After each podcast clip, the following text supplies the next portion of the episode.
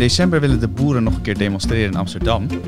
Maar na hectische demonstraties met duizenden trekkers op de weg boze boeren bij provinciehuizen, lijkt de storm voor even te zijn gaan liggen.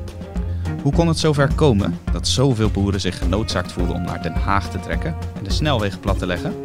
We gaan het erover hebben in deze nieuwe aflevering van de podcast Non Solus, waarin we wekelijks met onze hoofdredacteur Arendo Joustra praten over wat hem bezighoudt of is opgevallen. Mijn naam is Matthijs van Schie. Goed dat u weer luistert naar een nieuwe podcast van Elsevier Weekblad. Arendo, welkom. Er valt van alles te zeggen over de manier waarop de boeren hebben gedemonstreerd of de, de oorzaken van die stikstofcrisis waar zij tegen hebben geprotesteerd. Maar jij bent vooral verbaasd over de houding van de politiek, hè? Ja, de stofwolken zijn een beetje gaan liggen inderdaad over die protesten. we zijn nu weer een week, ruim een week later. En, en dan ga je toch afvragen hoe heeft het zover kunnen komen? Uh, het is goed om even daar een soort reflectie over te reflecteren. Uh, hoe, hoe dat kon. En ik ben er eigenlijk wel verbaasd dat in, in dit land waar alles wordt gepolderd en waarin we bij de klimaatmaatregelen zeggen dat we de bevolking moeten meenemen. Niet, niet wij althans, maar de politiek zegt steeds tegen elkaar dat ze de bevolking moeten meenemen. Ja, draagvlak creëren. Zachtjes aan, dan breekt het lijntje niet. Maar als je kijkt naar wat er gebeurt is met de stikstofcrisis en de boeren, is daar totaal een andere manier van, van besturen op losgelaten. We hebben natuurlijk in mei de uitspraak van de Raad van State al gehad over de stikstof. Uh, toen is er waarschijnlijk blijkbaar niks gebeurd. En toen kwam de commissie Remkes opeens met een, uh, zo eind september, met een rapport. Uh, en dat was eigenlijk de eerste fout, want dat rapport was een soort tussenrapport waarin ze zich alleen ogenschijnlijk op de boeren richten. Ja. Want pas in volgend jaar komt het, het, tweede deel van, van het rapport van de commissie Remkes. Ja, dan zijn ook andere branches, andere bevolkingsgroepen, andere sectoren aan bod. Maar dat wekt ook bij de boeren de indruk een beetje dat zij als enige de klos zijn. En wat ook zo gek is, binnen een week kwam de minister Schouten, ChristenUnie van Landbouw, Carole Schouten, kwam direct al met, uh, met de maatregelen. Dus normaal gesproken wordt bij dit soort enorm ingrijpende maatregelen wordt uitvoer gesproken met organisaties en met, met, uh, met, met, de, met de met de boeren in dit geval zelf. Ja, dat is het, uh, het poldermodel waar altijd zo lovend over wordt gesproken in Nederland. Ja, dat poldermodel is ook niet, is niet, niet, is niet gisteren uitgevonden. Al in de, in de Republiek van de zeven provincies bestond het al. En uh, Hans Daalder, de grote politicoloog uit Leiden, heeft al een keer een stuk geschreven over de erfenis van de Republiek. En dan beschrijft hij ook dat het schikken en plooien is eigenlijk gewoon ingebakken in Nederland. Ja. Dus het is altijd een beetje, uh, er wordt nooit iemand overstemd maar er wordt altijd overeenstemming gevonden. Nou, het heeft een beetje de schijn dat in dit geval helemaal niet naar overeenstemming is gevonden. Men heeft gewoon de boeren uitgezocht als, als doelgroep, als target. En heeft die maatregelen afgekondigd. En dat is normaal is een beetje on-Nederlands om het, om, om het uh, op die manier te doen. Ja, nou zijn er natuurlijk ook mensen die zeggen uh, de, de boeren, of althans de agrarische industrie, dat is de, de grootste vervuiler. Volgens de officiële rapporten van uh, het RIVM bijvoorbeeld stoten zij 46% van de stikstof uit. Dan kun je wel um, rustig gaan polderen of dan kun je het wel zachter brengen dan, dan het is. Maar is het ook weer niet goed om gewoon eerlijk te zijn tegen de boeren? Dat is allemaal waar, Matthijs, wat je zegt. Maar uh, het zoeken van de confrontatie in Nederland is nooit zo handig. En het blijkt ook een beetje uit de reactie van de boeren. Anders waren ze niet massaal in opstand gekomen. Dat je toch op een andere manier uh, uh, moet handelen in Nederland. Je kan iemand niet tegen de schenen schoppen. Uh, we zijn nooit gewend uh, aan, een, aan, een, aan een soort machtige stem. We hadden hier geen monarchie die, die de baas was. Nog hadden we een republiek waarin een president ja. de baas is. We hebben altijd inderdaad het poldermodel gehad. Is al, dat functioneert al sinds de 16e eeuw. En zomaar, dus je hebt week 1 heb je dan het, de, de commissie Remkes. En dan verder zonder veel praten met boerenorganisaties en boeren zelf. Komt in week 2, komt direct Corolla Schouten met, uh, met de maatregelen. Bovendien niet goed geschakeld met de provincies, waardoor twee stemmen ontstonden, zowel uh, in Den Haag en als een stem in de provincies. Ja, er waren uiteindelijk vier provincies hè, die de stikstofregels in ieder geval voorlopig hebben geschrapt. Als ik het goed zeg, zijn dat Friesland, Drenthe, Overijssel en Gelderland. Uh, maakt dat op jou een heel uh, stabiele indruk van de, vanuit de overheid, dat de provincies zo snel uh, zwichten? Nou ja, ze, ze zwichten misschien voor de boerprotest, maar belangrijker is dat er blijkbaar verschil van mening bestond tussen de provincies en, en het ministerie. En dus is er onhandig geopereerd door het ministerie. Door, ja, je moet nooit met twee stemmen spreken als overheid. En dat is nu wel gebeurd. De, de uh, ministerie sprak met een andere stem dan de provincies. Ja. Nou ja, Corona Schouten heeft ook inmiddels toegegeven in de Tweede Kamer dat, dat ze een fout heeft gemaakt. En nu gebeurt wat er al lang had moeten gebeuren. Namelijk uitstel, praten, nog eens een keer eh, het boel onderzoeken, hier en daar wat toegeven. Het schikken en plooien, is dat wel dat kennen Precies. al van eeuwen geleden. Dus dat polderen gebeurt eigenlijk pas eh, nadat het kalf al verdronken is. Nou ja, mijn grote verbazing, Matthijs, is dat we zijn het zo gewend om het op die manier te doen.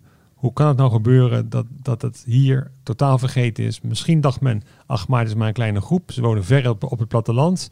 Eh, het, zijn maar, het is maar een kleine groep kiezers. We kunnen ze wel bruskeren, tegen de schenen schoppen. Dus nou ja, het is gebleken, dat kan niet. Je moet het anders aanpakken en, en niet op deze manier. Ja, dan hebben we het over de, de, de Rijksoverheid gehad, Carola Schouten. We hebben het gehad over de provincies. Maar in de Tweede Kamer, in het parlement, zaten natuurlijk ook nog eh, Kamerleden die de boeren met bepaalde uitspraken ook best bang hebben gemaakt. hè? Ja, dat is ook een goed punt, Matthijs. Want eh, wat je eigenlijk op doelt is dat nou ja, D66 had, gaat het opeens over, over het halveren van de, van, van, van de veestapel. Ja, dat was Ja. Tjeerd de Groot. Die, die werd daar behoorlijk door uitgejoeld hè, op het Malieveld. Nou ja, maar hij had ook wel medestanders ook in zijn eigen partij. Maar dat is hetzelfde zeggen als, eh, weet je wat, we moeten de, de fractie van D66 maar met de half, helft uh, met halveren of de Tweede Kamer halveren. Ja, nou, dat, Nou, daar- dat eerste is aan de kiezer. Nou ja, maar, oh, ja, maar dat is de kiezer. Maar het tweede, daar, je, je overvalt mensen ermee. En het is natuurlijk geen goede manier om in gesprek te raken met mensen. Als je zegt van ja, sluit je bedrijf maar. Ja, dat, dat moet je niet zeggen. Als je zegt ja, de helft van de journalistiek kan wel weg. Ja, Ja. dan heb je de journalist op de achterste benen.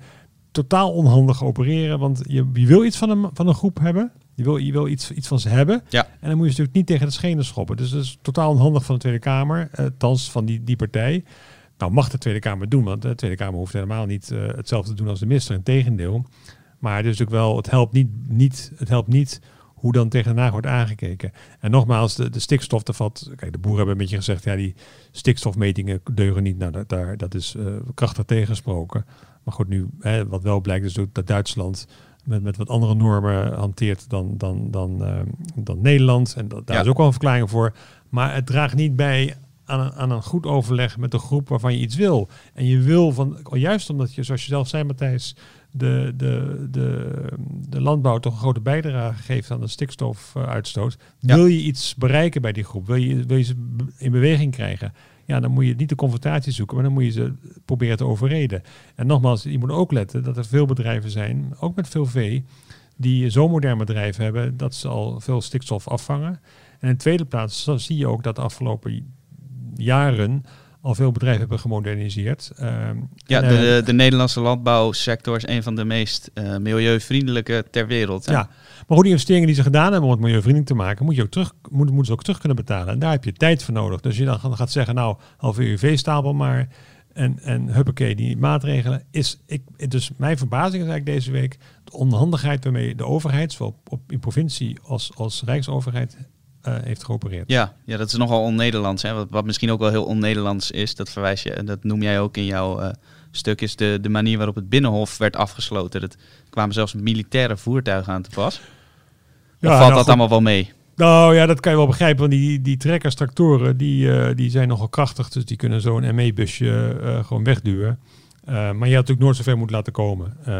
Wij, wij zoeken het altijd in overleg, in praten, in polderen. En het moet toch onnodig zijn dat mensen optrekken naar, naar, eh, naar het Binnenhof. Eh, dan gebeuren altijd ongelukken. Want eh, nou ja, dat is ook nu weer gebeurd. Het, het, het, het, zo'n zo'n deur van, van het provinciehuis in Groningen eh, kapot trekken. Ja, dat is niet zoals het hoort. En dat is, dat is ook door iedereen gezegd dat, het- dat je geen geweld mag gebruiken. Ja. Maar vervolgens, dat is allemaal waar. Vervolgens moet je afvragen, waarom is dit gebeurd? Waar, en dat is, die reflectie is nodig in, in Den Haag. Omdat het zo totaal anders ging dan we altijd gewend zijn. Ja, het protest eh, dat zal nog wel eventjes eh, voortduren of de onrust onder de boeren, want die stikstofkwestie is natuurlijk voorlopig nog niet opgelost. Wat, wat voor advies heb jij nou voor, voor Politiek Den Haag, voor de regering, om die boeren in ieder geval wat meer eh, te kalmeren, wat meer gerust te stellen? Nou, het lastige natuurlijk voor Den Haag is dat de vertrouwde boerenorganisaties, ehm, ja, die zijn natuurlijk ook niet meer, dekken niet meer de hele achterban. Eh, het is voor organisaties of voor groepen makkelijker zich te organiseren via Facebook. Dat heb je, is nu ook gebeurd. En daarom ko- kom je moeilijk mee in contact. Maar, maar je, je zal die maatregelen moeten treffen in samenspraak met de, met de groepen waar het om gaat. Anders bereik je in Nederland niks. En, en, en, en, en daarom is het zo noodzakelijk dat je, dat je eh, gaat luisteren en praten. Ook met de groepen die niet in de bekende organisaties zoals LTO Nederland zitten.